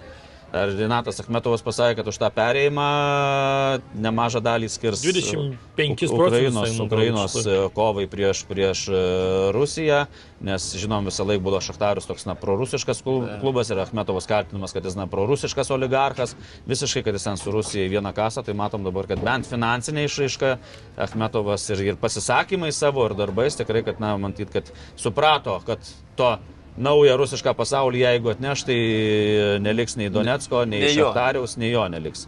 Tai viskas gerai. Ketvirtoje vietoje Lyonas 32,5, penktoji Braga e, 32 milijonai. Va, to penki klubai, kurie daugiausiai uždirbo, tai matom, kad Portugalai, Portugalai yra ta lyga, kuri, kuri trina rankelį per kiekvieną perimų langą.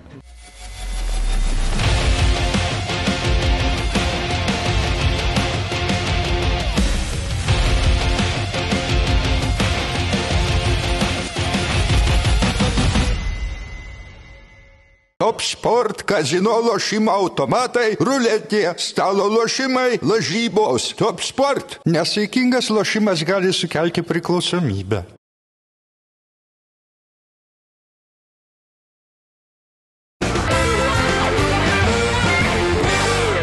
Na, toliau keliaukim turbūt e, į tai, kas vyks šį savaitgalį. Sugrįšiu jau ir Anglijos Premier League ir aptarkime savo rubrikoje negalima praleisti, kasgi vyks ir ką reikėtų žiūrėti šį savaitgalį. Tai Anglijoje, aišku, toks centrinis mačas yra Tottenhamas prieš Manchester City. Tottenhamas šiuo metu penktas, Manchester City antras. Manchester City, aišku, taškų barstyti jau visiškai negalima, atsilieka jie pagal prarastus taškus 8 taškais nuo arsenalo, bet tuo pačiu ir Tottenhamui taškai labai reikalingi ir ypač žaidžiant namuose, nes na, vis dar gyva ta kova dėl ketvirtos vietos ir Tottenhamas vis tiek arčiausiai to ketvirto šiuo metu yra, tai tokios laukia tikrai įdomus rungtynės, ar ne? Taip, net nebejoju. Ir to tenkiamas, na, tarsi atrodo momentais yra pajėgus žaisti gerą kokybišką futbolą, tačiau kartais na, sunku suprasti, kaip ten jiem dėliojasi tas žaidimas, apie tas bangutumas atsispindi ir tose paskutinėse, kad ir penkeriose rungtynėse pralaimėjimas, pergalė, du pralaimėjimai, vėl pergalė, dar toks mm, Kvantė nesustabdo to tokio traukinio šokinėjančio į viršų ir žemyn, aišku, tokiuose rungtynėse, jeigu pavyktų užsikabinti už taškų ir na, mes rimtai iššūkimą ansyti, na kaip ir minėjai, ta ketvirta vieta ganėtinai reali. Taip, dabar mačiau, kad lyg ir neaišku, ar kontė bus ant suolo, ten lyg ir kažkokia lyga yra, Taip. tai kažkiek gali net ir praleisti ir treniruočio ir, ir gal net ne vieną mačą, tai reikia palinkėti italui sveikatos. Aišku, nervų daug kainuoja trenerio darbas, tai akivaizdu, kad kartais būna ir visokių negandų, kurios užpuola, tai palinkėkim, kad jos, kaip sakant, praeitų pro šalį La Liga. Barsas su Sevija, čia toks centrinis mačas, a, šiaip žiūrint į kitus a, mačus, tokių labai daug kažkokių tai įdomybių net ir nelabai yra, tai būtent įvertint, įvertinsim, kad Barsas su Sevija, nors Sevija irgi šį sezoną tikrai labai sunkiai kol kas, a, nors pastaruoju metu šiek tiek atsigavę yra, iš paskutinių ten keletos rungtynių buvo keletą pergalių ir lentelėje palipta bent jau už tos relegation zonos, nes vienu metu iš vis iškritinėjo Sevija, kur na, nematytos tos vietos, tai žiūrėsim, aišku, žais naukampę, tai čia Barsa vis tiek turės pliusą, kaip sakant, didžiulį. Na, o top rungtynės, man atrodo, visose top lygų top rungtynės tai vyks Italijoje, Milane, kur, na, tas Derby de Madonina? Derbis, Interas žais namuose beje, namuose, Milanas svečiuose, Sansiro Tai stadione. tą, tik tu galės pasirinkti pusę, kurioje Pusė, jo, jo, jo, jo, jo. suoliuką. Taip, bet tai irgi yra svarbu, yra irgi savi, savi tai niuansai, savi momentai. Visą laiką sėda šeimininkai ten, kur teisėjo Asistentas. asistentas, kad paspaudimą padaryti galėtų labiau. Tai, tai čia tą ir išnaudos, na, tai iš tikrųjų skirtingose situacijose komandos. Interas na, labai nestabiliai žaidžia po, po, po naujų metų pertraukos, tai sausio pradžioje laimi prieš Napolį. Napolį tai buvo vienintelis pralaimėjimas šį sezoną, o po to lygio su Monza pergalė prieš Veroną, pralaimėjimas Empolį, pergalė prieš Kremonezą, toks amerikietiški kalneliai Jo. laimi. Praranda taškus, laimi, praranda taškus. Ir taip pat kas antros, kas antros rungtynės. Ir dar, jo, tai dar jeigu Dar Kopa- gyvi. Taip, taip Kopa Italija primetos ir laimėjo prieš Ant- Atlantą antradienį, tai dar, dar šiek tiek tą kardiogramą pakelia vis spaudimą į viršų, kad viskas gerai. Na, o Milanas, skirtingai negu Interas, tai labai stabiliai dabar žaidžia. Milanas ir stabilumas. Stabiliai šios- dabar jau atrodo, kad miręs beveik. Jau, reikia vis taip defibriliuoti. Ir tai nepadeda. Tai, tai tikrai Milanas stabiliai žaidžia 23 metais per 7 rungtynes visuose frontuose, tai laimėjo vos kartą, sugebėjo šiais metais, tai pradeda metus prieš Salernitaną pergalę ir po to dar lygos buvo su Romu ir Lečio, po to pralaimėjo tris paskutinės. kokie jie tai pralaimėjo. Kokie? Beviltiški. visiškai. Išvis nei žaidimo, nieko bando. vienas, ten- vienas 0-3 Rotuo Interui, daryt. 0-4 Taip, Lacijo sausio ir 18. 2-5 prieš Sasuolo. Tai ten- Sasuolo, tai Sasuolo čia. Sasuolo 8 rungtynės iš eilės nebuvo pergalės, iškovojo ir atvažiavo į Milaną. ir Susitiko dvi stabiliai žaidžiančios komandos. Visiškai. Tai Liko tik viena stabili. Milanas pirmą kartą iš vis apskritai savo klubo istorijoje per du išėlės mačius, kad praleistų po keturis ir daugiau įvarčių, ten a, pralaimėjimai, ten tok, tokiais skirtumais a, 5-1, paskutinį 5-2, ten paskutinį kartą namuose buvo pralaimėta, man atrodo, trimis įvarčiais a, 97 lyg, bet tuomet Juventusui buvo pralaimėta nesasuolo, tai turbūt skirtumas irgi Yra, čia kai, kai buvo Milano tokia karta, kaip Barezi, Maldinį, ten Tasotikos, Takurtos, tai jie per sezoną po penkis praleido. Dabar per vienas rungtynės sugeba praleisti. Ir pas, tarpusavio paskutinės rungtynės irgi atspindi, kad Interas e, Kopo Italija turnyrė, Super Taurė, tai 3-0 Milaną. žinai, Sudaužė tik diena, na ir dar trumpai apie Napolį. Napolis svečiuose žaidžia su Specija, su 17 vietoje esančia Specija, rekordininkė žymos transferių lango, E, bet tai manau, kad nepadės, įspūdingas toliau žaidimas. E, 2-1 prieš Romą laimėjo Napolis praėjusiame ture ir pasakė Maurinio, kad sakė, reikia pasveikinti Napolį su Skudeto. Jis jau prieš na, rungtynės net jau, jau sveikino. jau Tai po jau. Tai atotrukis nuo Intero 13 taškų, dabar dar Interas Milan, Mil- 15 taškų nuo Lacio, Lacio su Fiorentina sužaidė lygiom ir... Ne, dabar įsivaizduok Interas su kokiu Milanu sužaidžia lygiom, kas tikrai yra taip. realu, ar ne? Lapuris laimi prieš Speciją nu ir čia viskas, 15 taškų. Ir, Atalanta, ir dabar tu Milanas pasižiūri irgi į Napolio ten 15 ir vėl ten, ten. paskui dar Kremonencija bus, ten dabar labai lengva, dabar jiems buvo tas sunkusis tvarkaraštis, čia tokių sunkesnių varžovų buvo Roma, prieš tai ten tą patį Juventus, aišku, ten atskalbė juos, bet, e, bet vis tiek tai yra sudėtingesni tie tvarkarašiai dabar, Specija, Kremonencija ir žinant tai, kad vis tiek Italijoje ta antros lentelės e, tos komandos vis tiek yra silpnesnis, e, tai, tai bus tikrai sudėtinga, nors aišku dabar antroji lentelės pusėje yra ir Juventusas e, 13 vietoj. Šiuo metu ir akivaizdu irgi tas paskutinis tos rungtynės pralaimėjimas Monzai irgi man atrodo parodo, kad e, nelabai jau sunku, e, nelabai lengva nusiteikti ir labai netgi sunku turbūt reikia pasakyti nusiteikti Juventusui, kai tu akivaizdu, kad nebekovoji jau dėl nieko. Tai dabar turbūt, kad nebent ginklai dar kažkokie tai paaštrinti gali būti ten pagalasti peilį į Europos turnyre, kur dar kažkokia yra ta galimybė, ar ne, Taip, kažkaip tai pasiekti. taškų ne tiek O daug dar Čia tai, o čia tai Nebe, jau... dar, dar vienas ginklas nebent sporto arbitražas, bet, bet Nu, nu, bet vargu ar ten greitai nagrinė, šiandien nėra skubos tvarka, žinom, kaip ten prieš olimpinės žaidynės Taip, būna taip. pasaulio Konferencijų taurės bilietų, ko gali Komisijos, pasikaboti. bet- Gali, bet žinai, tu- ten ta konferencijų lyga ten ar, ar Juventusui labai svarbus reikalas, nebent su, būtų smagu Vilniuje. Žalgiriu Jo. galėtume mes e, su, su, O jei žalgeris į Europos lygą išėjo. Tada nepykit, tada nepykit. Tada nepykite. Ir Juventuso nebus. Na tai kalbėjom, jeigu stabiliausia komanda Italijoje, tai Milanas dabar, tai Vokietijoje stabiliausia, tai yra Müncheno Bayernas. Ir na, tikrai, man atrodo, didžiausias susidomėjimo keliančios rungtynės artėjančiame turė, tai Wolfsburgas priima Bayerną, Wolfsburgas septintoje vietoje, bet tikrai neblogai žaidė, na, skirus dabar praėjusiam turė. Pralaimėjo Verderiui, bet Bayernas tai toliau stabilumu stebina ir jeigu dar įimant ir draugiškas rungtynės e, šiais metais sužaistas, tai šiais metais visos ketverios Bayerno rungtynės baigėsi lygiosiamis. Tai aš nežinau, kada tas, tas buvę ar na, tas... Tai dabar dar ir visos baigėsi vienas vienas e, žaidžiant Bundeslygoje. Ne, tu paskutinės žaidži lygiosiam tarsi nieko, bet žemiausios komandos laimi. Jos laimi. Ir tas atotrukis Tai tirpsta, dabar atotrukis tik vienas taškas nuo Berlyno. Berlyno Union tik vienu tašku atsilieka, dviem taškais Leipzigas, trim taškais Dortmundas ir Freiburgas. Tai Vokietijoje tokios intrigos, na, jau perkopus į antrą sezono pusę, aš tikrai neatsimenu. Tai nežinau, ir, ir Barnas, aišku, dar tokie rezultatai, tai Julianas Nagelsmanas Mhm. gali visko būti, kad nepakeis koks nors dvi, tik dviem metais jaunesnis Tomas Mülleris. Trenerio postė, nes na kažkaip ne, nekaip. Ir tikrai dabar su Wolfsburgu, man atrodo, tokios rungtynės labai ir psichologiškai e, svarbios, nes paskutinį kartą Barnas laimėjo lapkričio vidury prieš Šalkę, kuri outsideriai yra O. visiškai. Tai na, tas pergalės skonį nors irgi pajustai, ten traumos ir taip toliau, bet na, nepateisinimas, kai Barnas tikrai tokia, na, ten kai visi sako, dažnai sako, kad visi kovoja, Barnas laimi ir ten vokiečiai visi labai pyks ir dėl tų finansinių galimybių Barno, kai, Na, taip, taip. ypač kai Allianz arena pasistatė, tai ten na, su jais konkuruoti praktiškai neįmanoma Vokietijai, o dabar tas ir yra, net pradėjau juoktis, kad paskutiniam turė nuo pralaimėjimo netgi Barno neišgelbėjo netgi Ibrahimovičius. Bet, e, ne. Zlatanas, o Arijonas. E, Pirmą kartą šiais metais buvo registruotas 17 metais, na, kalba toks įdomus saugas, Goretskos stilius, toks, na, kad įdomi pavardė, bet visur iš karto, ne, ne, ne, ne, čia ne Zlatano giminė, čia, šiaip Ibrahimovičius. Nu, Kas žino, pagal amžių tinka. Toks nesantokinis. Tai čia jau galėtų ir trečias koks nors būti pagal amžių vaikas, tam prasme, eilėje Ibrahimovičius. tai. Tai va tokia situacija. Dabar prieš Wolfsburgą Barnų jau reikia laimėti, nes lipo ant kulmų visi. Taip, na dar Bundeslygoje gal skirčiau ir Dortmundo su Freiburgu. Akistata irgi ketvirta su penkta komandomis susitinka, tai irgi bus tikrai įdomu, po lygiai taškų turi čia dėl... m, Kovojo dar neaišku, dar dėl ko, nes čia kai trim taškais atsilieka nuo lyderio, tai negali sakyti, kad dėl čempionų lygos kovoja, nes čia Taip, gali dar, dar galima dėl visko čia pakovoti.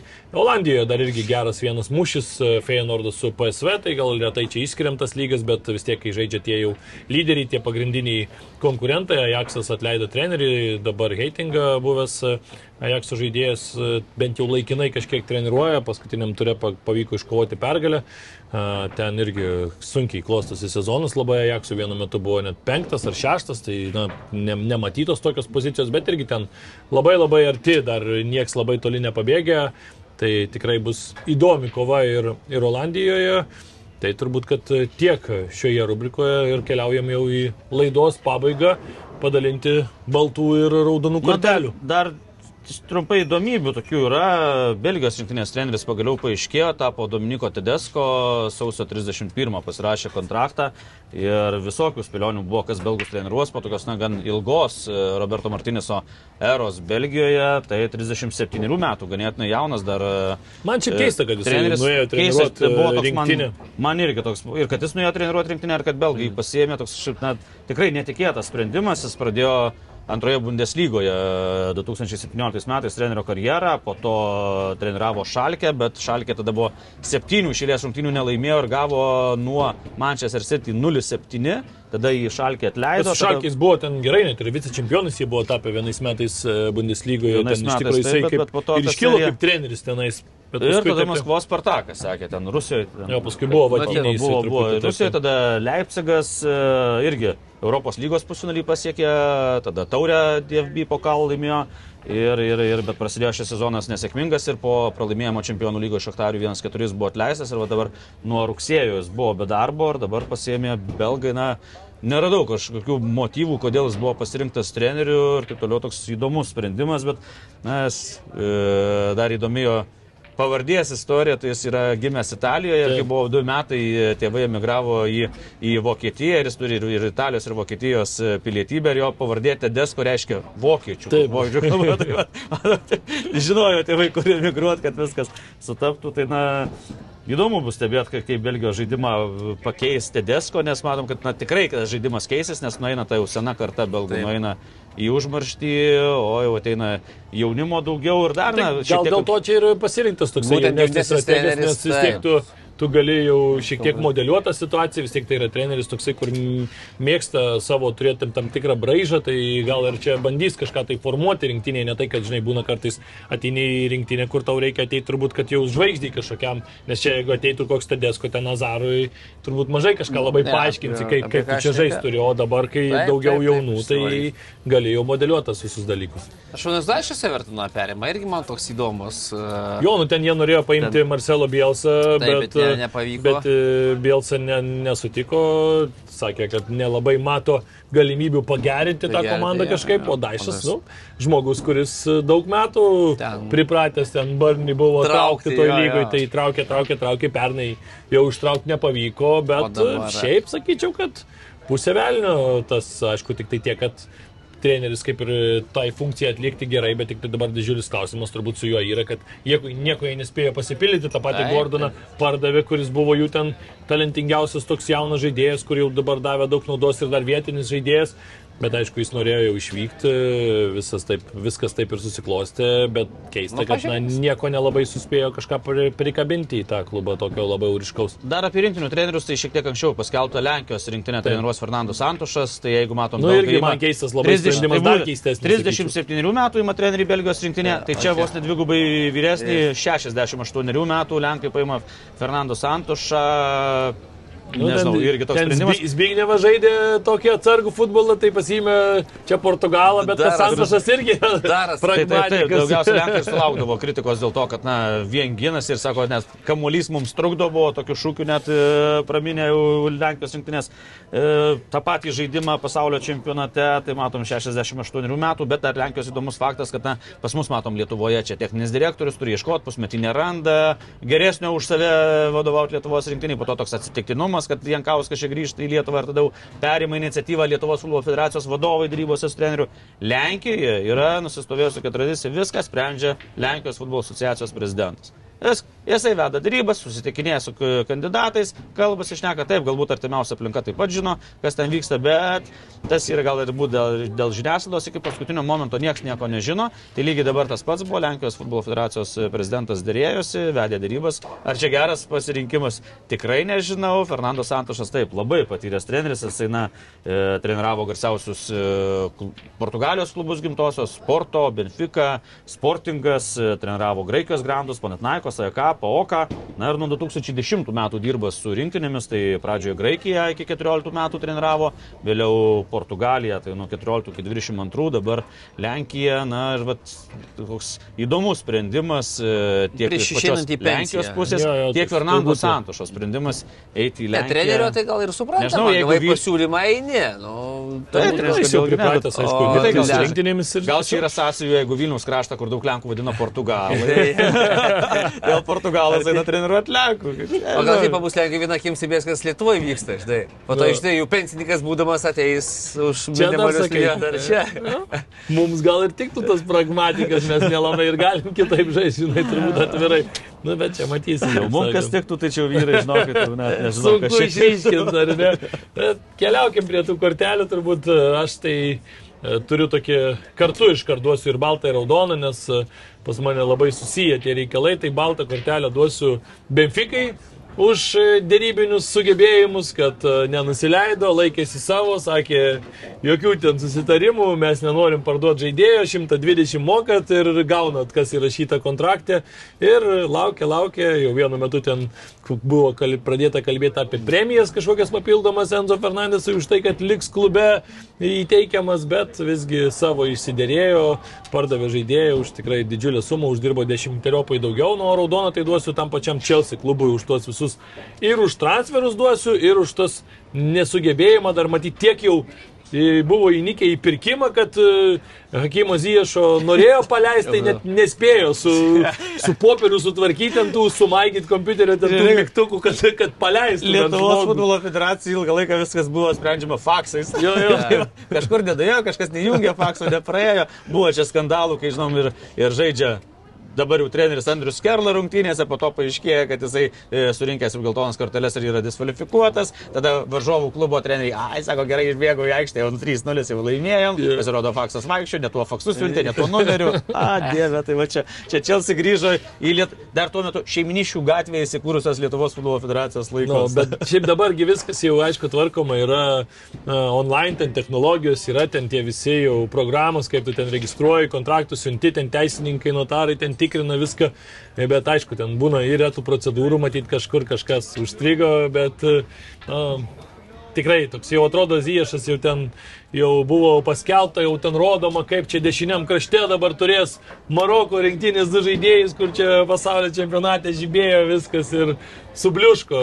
Aišku, dar galima prie raudonos kortelės pajokauti ir su tuo pa- pačiu Dan, Dandžiumos transferu, kur žaidėjas jau nuvažiavo į Evertoną, jau nusifotografavo, perėjo medicininį, jau viskas buvo paruošta ir staiga persigalvojo, sako, ai visgi važiuoju aš į Londoną ir nuvažiavo į Londono Tottenhamą. Tai irgi toks na, čia jau panašyta tema, kai Vatautydas sakė, kad e, to lojalumo jau šiek tiek jau nebelieka. Šio laikiniam futbole tai matom, kad čia dar vienas toks pavyzdys, kur jau atrodo jau visi viskas sutvarkyta, bet galutinis baržas dar kol nepadėtas, tai dar paskutinę sekundę nusprendžia ir persigalvoja žaidėjai. Tai irgi toks keistas pavyzdys.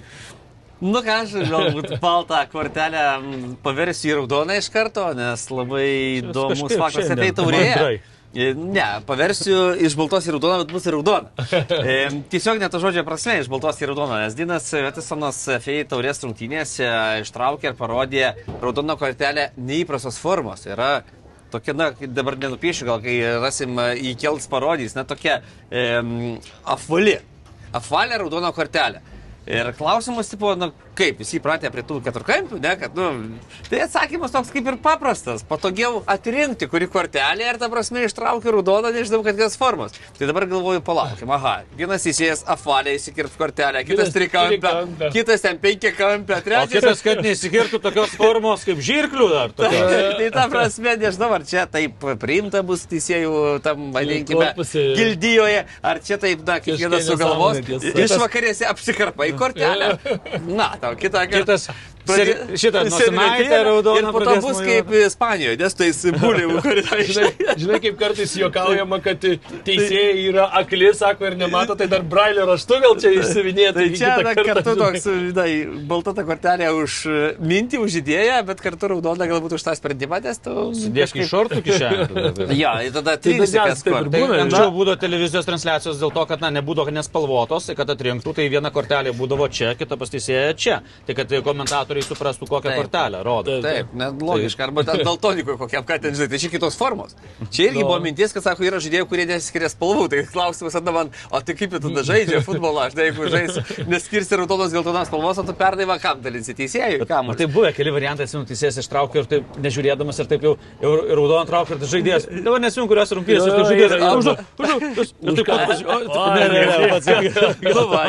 Taip fū. Na, tiesioginė raudona kortelė, tai na, gal kiek primirštam Silva Berlusconi už pažadų netesėjimą. O tie pažadai labai geri, nes dabar reikalauja ir fanai, ir skambučių daug sulaukia, nes buvo pažadėjęs Monza ekipos prezidentas, kad jeigu laimim prieš Milaną ir Juventusą, nu gal negražu čia taip sakyti, bet užvešiu Užvežti vakarėlį merginų. Taip, ir tada, op, Juventusą, ateikit čia, dar ką, reikia žodžio laikytis, tai kol kas... Tai gal jau buvo iš kur tu Ne, žinai? ne, tai oficialiai dar ne, dėl to dabar žmonės spaudžia ir reikalauja, ir kas įdomu, kad daugiau nei šimtos skambučių sulaukia tiesiogiai, kad vykdyk Tai čia- savo pažadą. Tai čia dar tik tie, kurie Čia žino jo numerį. žai- Žaidėjai, žaidėjai paprašė, kad kažkas Tai aš gal, ten tyliai, ramiai, gal kas kas ir suveiks, aišku, žaidėjų žmonas, manau, nesupyks už tą bonusą. Nu, ne- Nežinau, nežinau.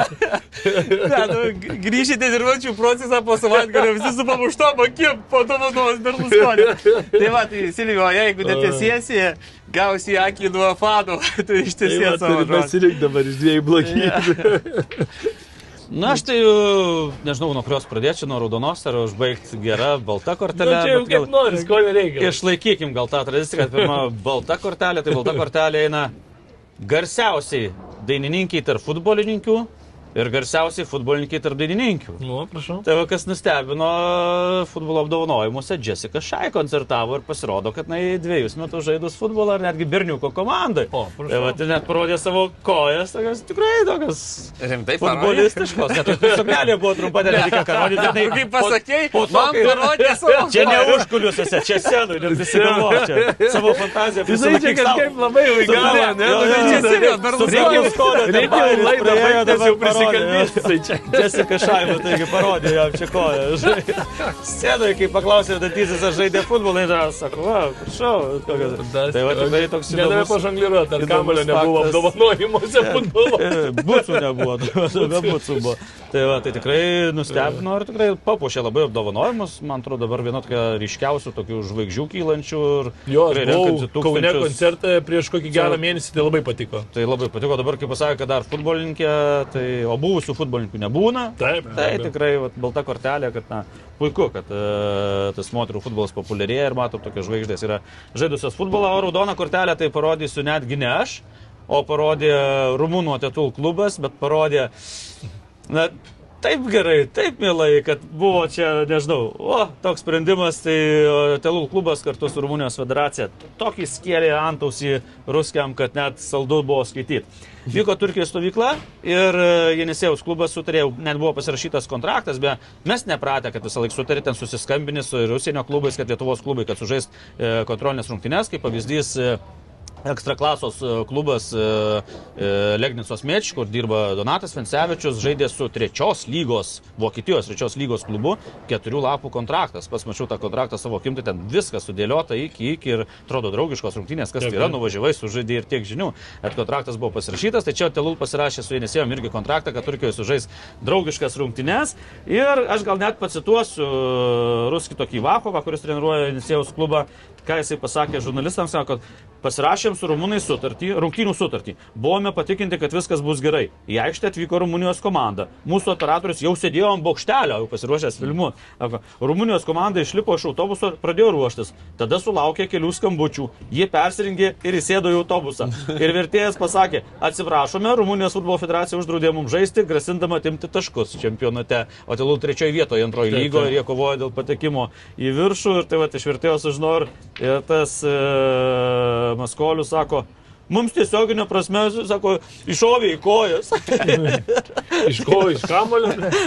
Atsiprašau. Iššovė, tai dabar uh, Ruskiai ten reikia šaukia, kad uh, reikalaus 10 tūkstančių eurų kompensacijas, bet, na, bet geras sprendimas. Na, aišku, na, o tu iš karto prieš susitardama galėjo. Na, čia jau turėjo nesitarta, aišku, pamastyti, bet, bet, bet susitarė, matyti, ten, žinai, irgi, kaip ten kas gavosi, koks nors vadybininkas, koks nors irgi, jo. Saška gal koks nors sėdė. Nes šiaip, matai, ir... Turkijai taip viskas dabar kaip vyksta, tai teko girdėti iš, iš tų klubų, kas ruošiasi, kad apskritai yra net ne į to, tos pačius viešbučius net neįdeda, tarkim, ir tas pats Vilnių Žalgeris, žinau, kad važiavo į stovyklą, tai iš karto sakė, kad tik, tik tai į tuos viešbučius, kur nėra vatnikų, kaip sakant, ir prijaučiančių ten jiems, tai važiuoja ten į atskirus viešbučius normalių, civilizuotų valstybių atstovai ir važiuoja į atskirus ten, kur žaidžia tam Eritrėjus atviruose čempionatuose ar ten Vatnikų atviruose ir dar kažkur nu, tai kas, kitur. Tai... Kas buvę Turkijoje ar Egipte, kur rusų daug viešbutį, tai kažin, ten bet kokiu atveju nesinori daugiau grįžti. Tai taip, taip, tikrai taip. taip, tai, va, tai jo, dar tarsi, bet matai, pavyzdžiui, tai Turkijoje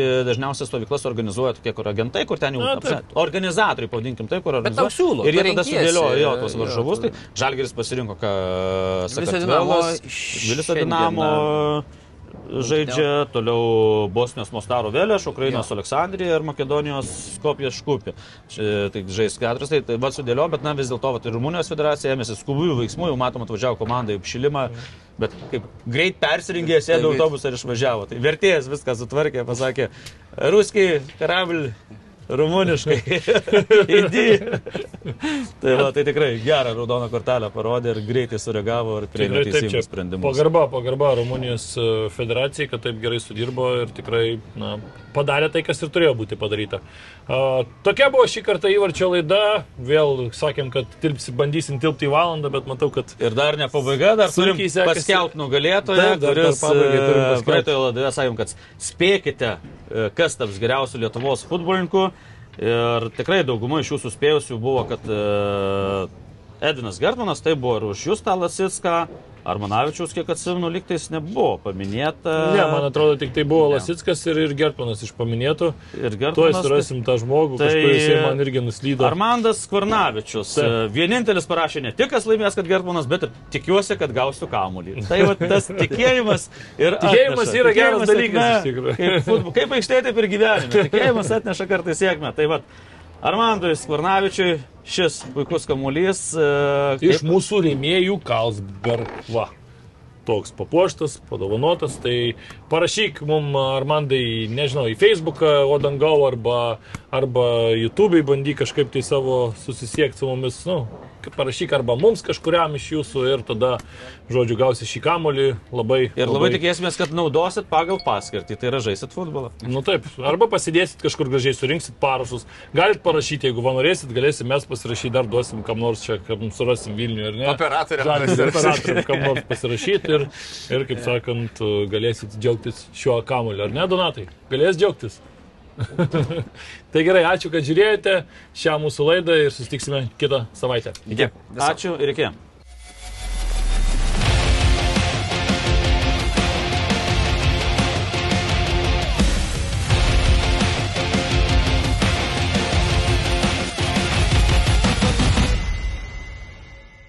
Top Sport, kazino lošimo automatai, ruletė, stalo lošimai, lažybos. Top Sport. Nesaikingas lošimas gali sukelti priklausomybę.